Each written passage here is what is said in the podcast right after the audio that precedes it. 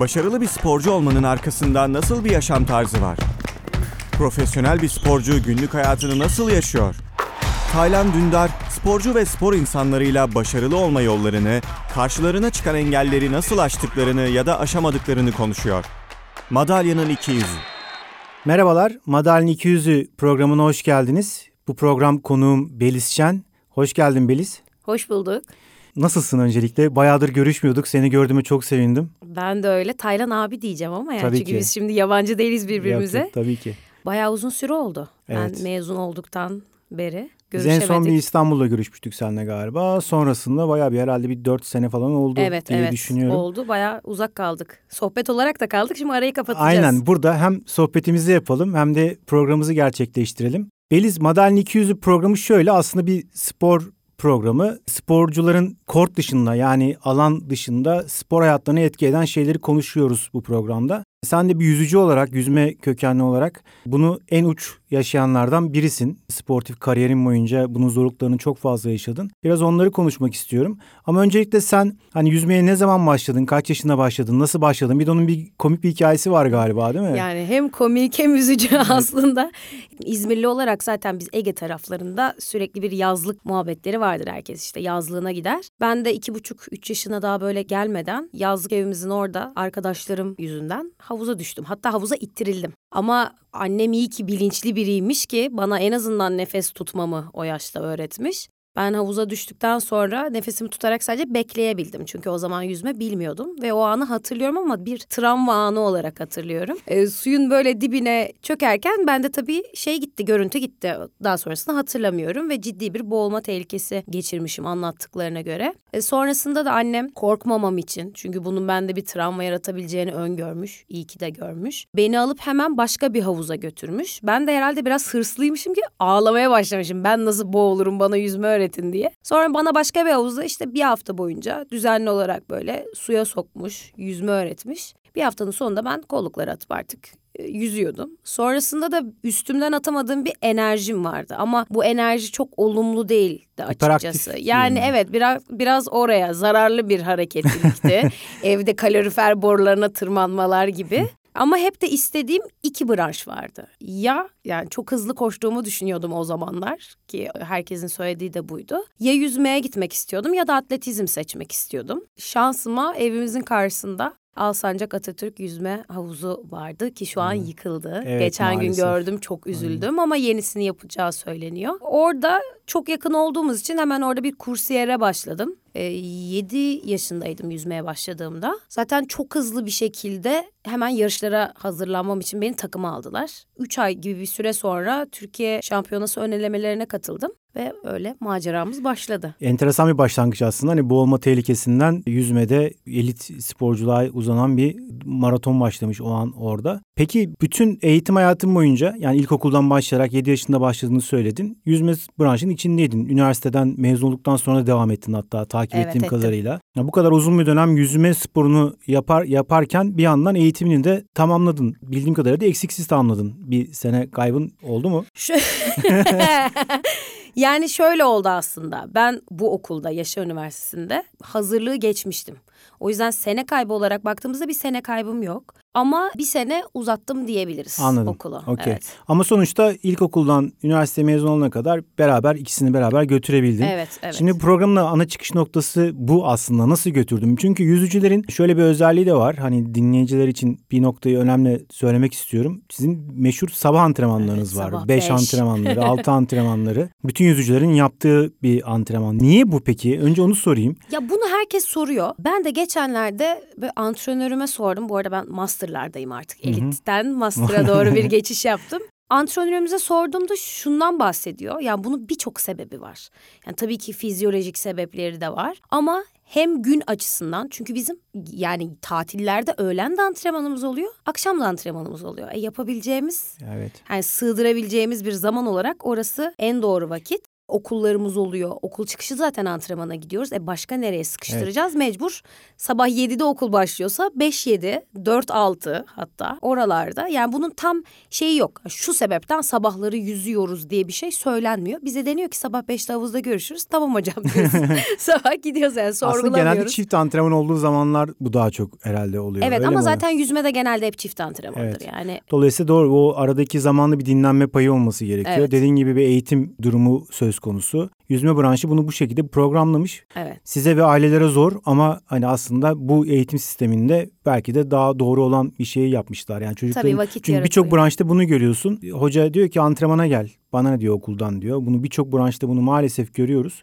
Ki bazı spor branşlarında çok fazla antrenman sürekliliği olması gerekiyor. Mesela jimnastik gibi 4 saat, 5 hmm. saat arka arkaya antrenman yapmak zorunda. Bazen 8 saate kadar çıktığı oluyor. Dolayısıyla bu çocukların da eğitimine nasıl götürecek yani beraber evet. çok zor. Yüzme belki bu açıdan hani biraz avantajlı olmuş olabilir. Ama zorluyordu herhalde. Annen şikayet ediyor muydu? Annem bu zamana kadar hiçbir şeyden şikayet etmedi. yani o taraftan ailem konusunda hiçbir problemim yoktu. Onlar bana çok destek oldular. Ya evim de çok yakın olmasının doğru, artısı doğru. vardı işte. Yani Aynen. ben sabah antrenmanı da kendim gidiyordum. Okula da gidiyordum. İşte okuldan döndüğümde yine antrenmana gidip akşam yine kendim eve gelebiliyordum. Yani sadece bir cadde geçiyordum çünkü o kadar yakındık. Yani sabah beş antrenmanları yüzmede şöyle bir şey var. Benim gördüğüm eğitime çok önem veriliyor. Okula gitme, antrenmana gel diye bir durum yok. Bizim zaten antrenmanlarımız genelde iki veya üç saat arasında geçiyor. İşte ağırlık antrenmanımız olabilir bir saat sürsün. Yani bunu hep kendi hayatımıza göre programlıyoruz. O yüzden de işte sabah çok erken 2 saatlik bir yüzme antrenmanı, tatildeysek öğlen bir kara antrenmanı, ağırlık antrenmanı, akşamüstü tekrar bir yüzme antrenmanı. Ya ben saatlik. bayılıyorum bu şey mütevazi. Birçok konumda da bu mütevaziliği görüyorum. Sanki böyle çok kolaymış gibi bir cümle içerisinde söylüyorsunuz ya. Böyle sabahın dördünde kalkıyorum, antrenmana gidiyorum, 2 saat suda kalkıyorum, öğlen ağırlığa gidiyorum, akşam bir daha havuza giriyorum. Sanki çok kolaymış gibi. Bir de arada okula Dersler, gidiyorsun, okullar, derslere gidiyorsun, ders çalışıyorsun. Özel hayat. Özel hayat yoktu ya o dönem. Yani şöyle söyleyeyim. Üniversiteye kadar yani benim hayatım sadece şuydu. Sabah kalk, antrenmana git, okula git, okuldan dön, antrenmana git, eve gel, yemek ye. Derslerime çalışabildiğim kadar çalışabiliyordum. Yani evet bana bir vakit kalıyor ama orada zaten bütün gün inanılmaz bir şekilde yorulmuşum. Hani orada birazcık böyle birkaç saat ders çalışıp sonra yatıp çünkü sabah tekrar benim sabah evet. köründe kalkmam lazım. Hani böyle bir yaşam döngüsünün içerisinde savrulmuştum. Ama hiç böyle özel hayatım ay şuraya gideyim arkadaşlarım buraya gidiyor. Şimdi hayatta bazı hedeflerin oluyor ya o zaman. O hedefler senin için çok büyük olduğundan arkadaşların eğleniyor mu, kafelere mi gidiyor, işte erkek arkadaş, kız arkadaş. Yani onları pek düşünmüyorsun. En evet. azından ben öyleydim. Çünkü şey diyorsun ya bunların hepsine vaktim olacak ileride ama şu anki Oldu mu? bu vakti kaçırmayayım. Ee, üniversitede de biraz Beklediğin zorlandım o konuda. yani her şey bittikten sonra daha rahat ol. Bir de şöyle düşün Taylan abi. Mental olarak da seni çökertmeyecek şeyler yaşamak zorundasın. Yani yarışın var diyelim senin. Bir gün önce işte sevgilin var senden ayrıldı. Ne yapacaksın? İki yıl belki, üç yıl, dört yıl emek vermişsin. Bir şeye çalışmışsın. Senin 30 saniyen var belki. Yüzme bir de öyle sıkıntılı. 90 dakikalarımız ya da işte 150 dakikalarımız şeylerimiz yok. Doğru zamana karşı Zamana karşı yarışıyoruz. Ve yani en ufak bir hatada her şeyin bitebilir. Yani depar taşında ayağının kayması bile senin Ama bir açıdan motive yıllık... edici bir şey de olabilir. Yani hem motive edici. Nasıl biraz kişilikle alakalı herhalde. Evet birazcık e, yani senin konsantrasyonunla ve hani o heyecanı nasıl değerlendirdiğinle alakalı bir durum. Ama sen ben seni yüzüm yarışında da izlemiş biri olarak sen şalteri çekiyorsun. Evet yani. seni tanımamıştım hatırlıyor evet, musun Evet evet yani beliz diyorum beliz diyorum bakmıyorsun. Yani Boş bakıyorum. Özellikle yarıştan son 10 dakika evet. kala inanılmaz bir konsantrasyona giriyorsun. Bir de evet. senin şey geldi aklıma bak madalyonu Madalya. almaya çıkmama seni bulamamız. Ne yapmıştım ki ben doping testinde miydim? Bilmiyorum hatırlamıyorum ama bulamıyorduk seni. Yani ben anons, ben Beliz Şen, Beliz Şen. Tamam ben doping testine girmiştim üniversite Adana'da Koçfest'te. Evet evet. Bir, bir anda kafamı kaldırdım hadi doping testine gidiyoruz dediler. Doping testine gittim dışarıda da yüzdüğüm yarışın Birinci madalyası birlikte. veriliyor. Ben yokum ortada üzerine bir de bir yarış daha yüzecektim abi. Baya karışmıştı ortada. Evet evet hatırlıyorum ben çok stres ben geriliyorum böyle Aynen. şeylerde biliyorsun bayağı stres olmuştum. Peki dedim ki konsantrasyon bunun bir parçası. Hani özel hayatını oraya taşımamak en önemli noktalarından biri. Derslerini bir yandan başarılı götürmek çok zorlayıcı bir şey. Beslenmene dikkat etmen çok önemli bir nokta. Bunların hepsini programlamak böyle insanda aşırı bir stres ya da büyük getirmiyor mu? Yani bir de özellikle üniversite tarafında sormak istiyorum. Yani üniversite tam lisedeyken biraz daha hani yaş küçük kontrol edilebilir şeyler belki ya da hani ne olduğunu anlamadan geçtiğin zamanlar ama üniversiteye geldiğin zaman dediğin gibi gerçekten artan bir sosyal hayat, evet. e, o sosyal hayatın getirdiği bazı stresler, ders stresleri bunlarla baş etmek gerçekten çok zor. Zorlandın mı ya da nasıl baş ediyordun? Ya şöyle söyleyeyim. Bence öyle bir sisteme alışıyoruz ki o sistem bizim artık hayat tarzımız oluyor. Ben hiç şeyi hatırlamıyorum. Kilo vermek için uğraştığımı, vakit bulmak için çabaladım. Çünkü benim her şeyim zaten programlıydı. Ben hayatı hep öyle yaşıyordum. O yüzden bu bana bir stres yaratmıyordu. Mesela şu anda bir vakit yaratmak, antrenmana gitmek için bir vakit ayırmak, beslenmeme dikkat etmek benim için daha zor. Evet. Çünkü o hayatın içerisinden bir kere Doğru. çıktım ya. Şimdi bambaşka bir dünya ve ona adapte olamıyorum geri. Ama eskiden hayatım o olduğu için hiç o, onun stresini yaşadığımı hatırlamıyorum. Her şey zaten olması gerektiği Dediğini gibi gidiyordu. çok iyi anlıyorum. Ben de aynı yoldan geçen biri olarak evet. yani şimdi mesela bazen de geliyor. Hadi diyorum ki hadi gideyim bir yürüyüş yapayım, bir koşu yapayım. Ya diyorum boş ver ya evet. şu evde yat televizyon aç film izle dizi izle işte bir şeyler söyle ve yemek ye daha keyifli evet. gibi geliyor Vakit bazen şimdi böyle. daha azmış gibi geliyor yani evet. sanki şu an ben 14 saatte yaşıyorum da o zaman 30 saatte yaşıyormuşum gibi geliyor. Programlamalarımız çok iyiydi. Onu da bize işte antrenörlerimiz, ailemiz hep bunu Biraz hedef motivasyonu olarak. aslında bu. Tabii. Yani o zamanlar bir hedefim var. var. Bir yarışa hazırlanıyorsun. Şu evet. an onlar olmadığı zaman belki tabii bir geri tabii. E, motivasyon oluyor. Evet. Peki şimdi ne yapıyorsun? Master yüzüyorum dedin. Şimdi çok karışık benim yaptığım evet. şeyler. Hadi bakalım. Yani şöyle ben... Aslında seni yani dinleyiciler de yüzmeden de tanıyanlar elbette vardır Aynen. ama daha çok influencer tarafından tanınıyorsun. Muhtemelen. E, Türkiye'de. Ne yapıyorsun? O nasıl, nasıl başladı? Biraz anlatsana. Şimdi Yaşa Üniversitesi tabii ben uluslararası ilişkiler okudum, bitirdim. Okulun son dönemlerinde bu influencerlık, youtuberlık konusu. Evet, sen benim... Türkiye'de ilklerdensin bu evet. arada. Evet. Etrafımda çok konuşuluyordu. Bir şekilde bu yola girdim. Aslında neden girdiğimi de söyleyeyim. Bunu hiç konuştuk mu hatırlamıyorum Yok, ama. hayır. Ben o dönem hatırlar mısın belimden sakatlanmıştım. Evet. Dönemedim. İşte fizik tedavi asla cevap vermiyor falan ve ya gerçekten moralim çok bozuktu. Yani okul bitiyor artık falan. Ben ne yapacağım, ne yapacağım diye düşünürken böyle Makyaj bir... yapayım. Makyaj. Aşk olsun. şaka şaka. Yani böyle bir şeyler yapmak istedim. Ondan sonra hatta benim İkinci videom mu ne, ne videosu biliyor musun? Şeye gitmişiz ama sen yoksun abi. Antalya Koç Fest hmm. videom. Tam artık o son Koç Fest'imi yüzüp de bıraktığım 2010, zamanlar. 2016 mı 15 mi? 2015. Ondan sonra yani böyle bir yola doğru girdim ama bunun mesleğe dönüşeceğinden çok emin değildim açıkçası. Yani biraz keyif almak için, vakit geçirmek için başlamıştım. Sonra bir şekilde bu Türkiye'de de popülerlik kazandı ve bir meslek haline geldi. Artık bunu herkes bence kabul ediyordur bunun bir meslek olduğunu. Çünkü influencerlıktan ziyade bu mesleğin adı dijital pazarlama. Artık evet. pazarlama yani Doğru. bu iş. O yüzden şu an hem o taraftayım hem de benim bir teyzem var. Evet. Kendisi Bengü. şarkıcı Bengü. Onunla beraber de o sektörü de çok merak ettiğim için konserlere gidip gelmeye başladım. İşte organizasyonlar nasıl yapılıyor? İşte ekipler nasıl idare ediliyor.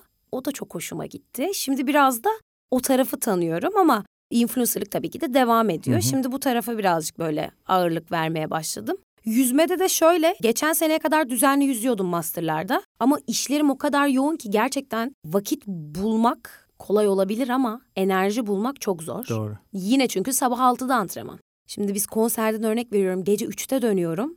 Yani sab 3 saat sonra hadi gir bakalım o suya yani. yani. O birazcık zor gerçekten.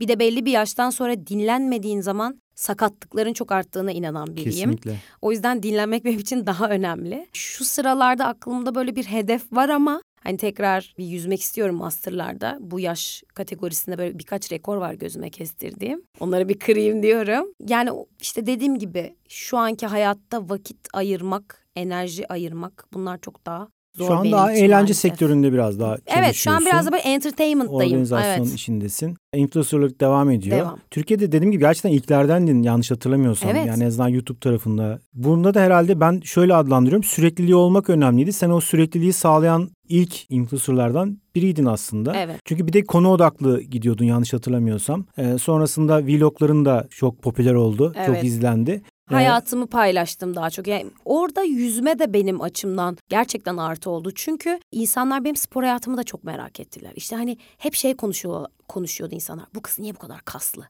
Ben de işte hayatımı gösteriyorum. Yani bu yüzden bu kadar kaslı yani bu kadar antrenman yapıyorum çünkü vesaire gibi. Ee, o da bence keyifli geldi. Çünkü hiçbir zaman şey olmadım ben. Ay bu ürün çok güzel bunu suratınıza sürün kreminizi, farınızı, rujunuzu. Yani hep hayatımı anlatmaya çalıştım. Gezdiğim yerleri, gittiğim yarışları, işte sakatlıklarımı, nasıl yüzmeye geri döndüm, nasıl kilo veriyorum, motivasyonlar. Hep yani bunları aktarmaya çalıştım. Ne yaşadıysam karşımdakine de onları aktarmaya çalıştım. Bir de sektörü biraz bana açarsan sevinirim. Sen direkt içindesin çünkü. Aslında işini iyi yapanlardan birisin. Ama o kadar fazla bir anda bir sektör oldu ve o kadar fazla birey çıktı ki konu odaklı ya da her şey yapılmaya başladı. Bir kamp gidip çeken de milyon izleniyor. Bisiklet tamiri de milyon izleniyor. Artık çok fazla izlenme şeydir. Ben hatırlıyorum çünkü YouTube'da bir klip aa ilk defa bir milyon izlendi Beyoncé'nin klibi Evet. falan dendiği zamandan şu an nerelere geldik? Yani milyarlara falan giden bir izlenme sayılarından bahsediyoruz. Dolayısıyla buradaki tabir yanlış anlama bu çöplük içerisinde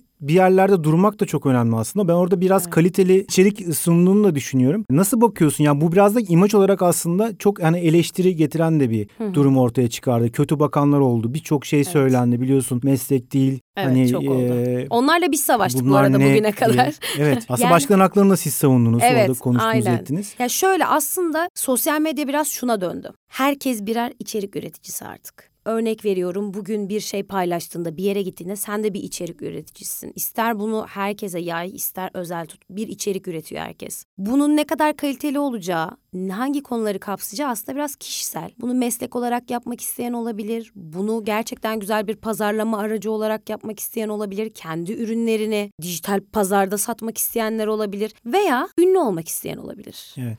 İşte nasıl cringe derler ya yani hani komik gülünesi ama hani bir şekilde popülerlik kazanmak isteyen olabilir. Şimdi o yüzden ben kişisel olarak kimseye bir şey söylemiyorum tabii ki. Yani herkesin kendi tercihi ne yapmak istediği de. Ama benim için marka özelinde yani çalıştığımız firmalar markaları özelinde bence kaliteli içeriklerin kaliteli yaşamların ayrılması gerekiyor bu içerik üreticiler arasında ki ayırdıklarını da düşünüyorum zaten. Yani o herkesin kanalından zaten Kesinlikle, belli oluyor. Evet, evet. Bir kişiler artık marka oldu değil mi? Yani Evet. artık bir hani bir üründü marka ama artık bir kişi de bir marka ve bu markanın Evet. bir pazarlamaya ihtiyacı var. Aslında bir influencerlar da bir marka Evet. Ama markayı da aslında kendileri yönetiyorlar ama aslında başka markaları, Markaları da, da, evet. yönetiyorlar. Bir garip bir döngü var orada. Bu benim aslında ilgimi de çekiyor, hoşuma da gidiyor. Bu bağlarda hani biraz, aslında biraz reklam ajansı gibi bile çalıştığınız oluyor Tabii. e, yeri geldiği zaman. Evet, evet. Tam olarak aslında öyle. E, bayağı ilgi çekici bir şey. Son olarak şunu sorayım. Bunu yapmak isteyenler çok fazla var. Dediğim gibi herkes bir içerik üreticisi ama herkes koyduğu bir videoda milyonlar izlensin ben ünlü olayım derdinde herkes.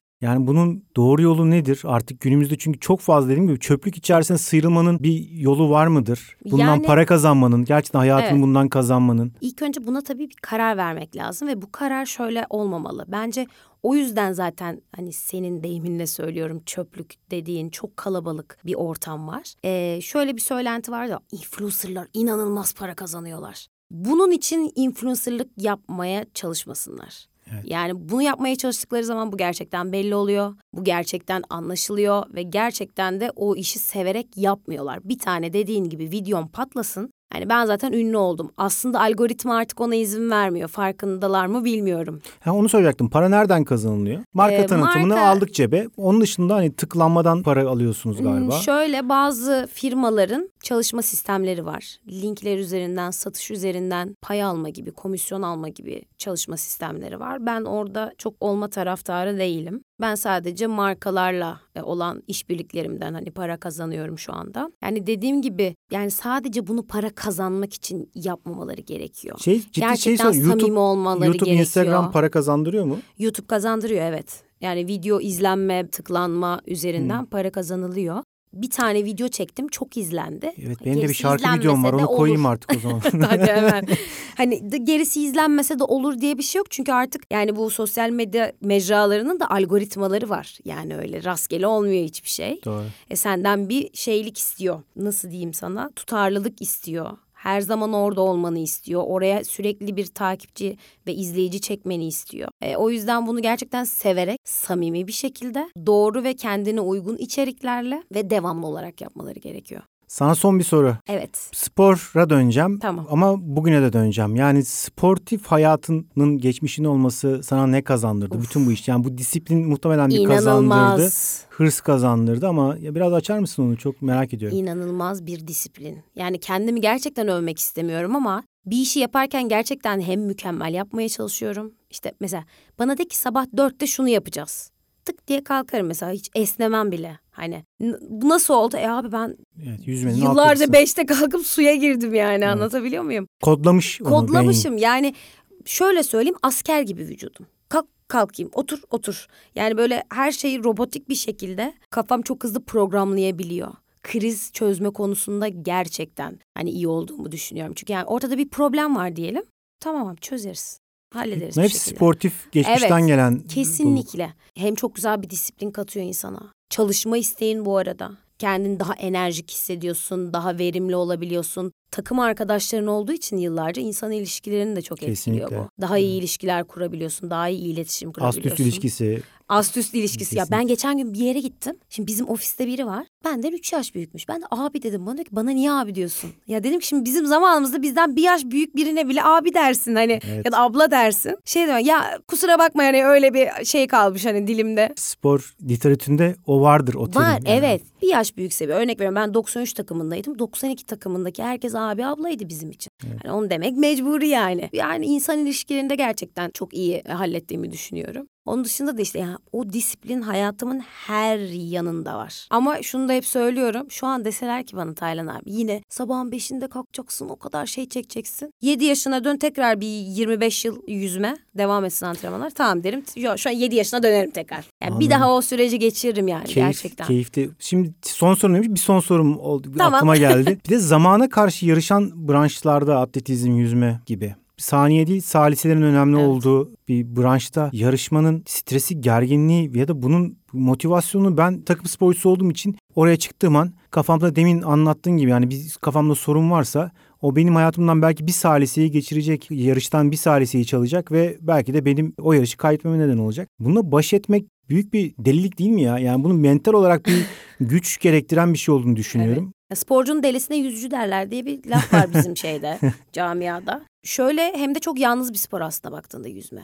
Atletizmde mesela dışarıdasın, koşuyorsun diyelim yanındakiyle. Ne haber abi? İyiyim. Ha, çok zor değil mi antrenman falan? Yüzmede hiç öyle bir şey yok. Susuyorsun, suya atlıyorsun. iki saat sonra çıkıyorsun. Zaten canın çıkıyor soyunma odasında konuşamıyorsun bile. yani çok yalnız bir spor. Tek başınasın. Su sesi, başka hiçbir ses yok. Aslında gerçekten birazcık deli işi. Yani ben şöyle söyleyeyim, kendi adıma konuşacağım. Hiçbir zaman ay bunun saliseyle her şey olacak diye hiçbir zaman düşünmedim aslında. Yani, Düşünürsen zaten patlarsın evet. herhalde. Yani her zaman şunu düşünüyorsun. Abi çıkacağım alacağım yarış bitti. Daha bunun çünkü biri, ikisi, dördü yendik mi, yenildik mi, maçı kazandık mı, kaybe... Bizde öyle bir şey yok yüzmede. Evet. Yani ya bir ya bir. Yani başka bir seçeneğin yok. O Doğru. yüzden onun stresini ben çok yaşamadım en azından kendi adıma. Yani sizin yani branşı yapan kişiler böyle söylüyordur eminim ama hani biraz ciddi bir mental güç gerektiren bir şey. Onu da Evet. zamanla kazanıyorsunuz zaten. Kazanıyorsun yani. ve devam ediyor. Mesela şöyle söyleyeyim. Beni gelip böyle çıldırtabilecek, örnek veriyorum mental olarak beni yorup dağıtabilecek bir şey olduğunu düşünmüyorum. Yani çünkü her zaman onu söylüyorum. Yani ben 25 Sabır sene yüzdüm. Evet. Evet. Tek başıma yalnız bir spor biraz önce bahsettiğim gibi ve ne zorluklarla antrenmanlar Yalnızın ne yaptım. demek olduğunu ben bilirim. Ben abi ben bilirim. yani ne zorluklarla antrenmanlar yapıyorsun, sakatlanıyorsun. Belki yıllarca deli gibi antrenman yap hayatın en kötü derecesini yüzüyorsun. Ama ertesi sabah bir daha yarışın var. O yüzden çıkıp bir daha yüzmek durumunda kalıyorsun. O kafayı toplamaya çalışıyorsun. Doğru. O yüzden diyorum ki yani benim kafayı biraz zor dağıtırsınız. Ben sabır taşına dönmüşüm yıllardır. Çok teşekkür ederim. Yani Ben konuk oldun. ederim. Valla seni gördüğüme de çok sevindim yıllar sonra. Önümüzdeki programda Mustafa ile yapacağız. Onu da söyleyeyim buradan. Önümüzdeki programda da Wimbledon tenis turnuvasını konuşacağız. Mustafa orada. Wimbledon'da bütün turnuvayı turnuva boyunca izledi. Hakemlik de yapıyor orada. Bir sonraki programda da onu konuşacağız. Ben tekrar konuk olduğun için sana çok teşekkür ederim. Madalya 200'ün de Beliz Şen'i konuk ettik. Önümüzdeki program tekrar görüşmek üzere. Hoşçakalın. Hoşçakalın.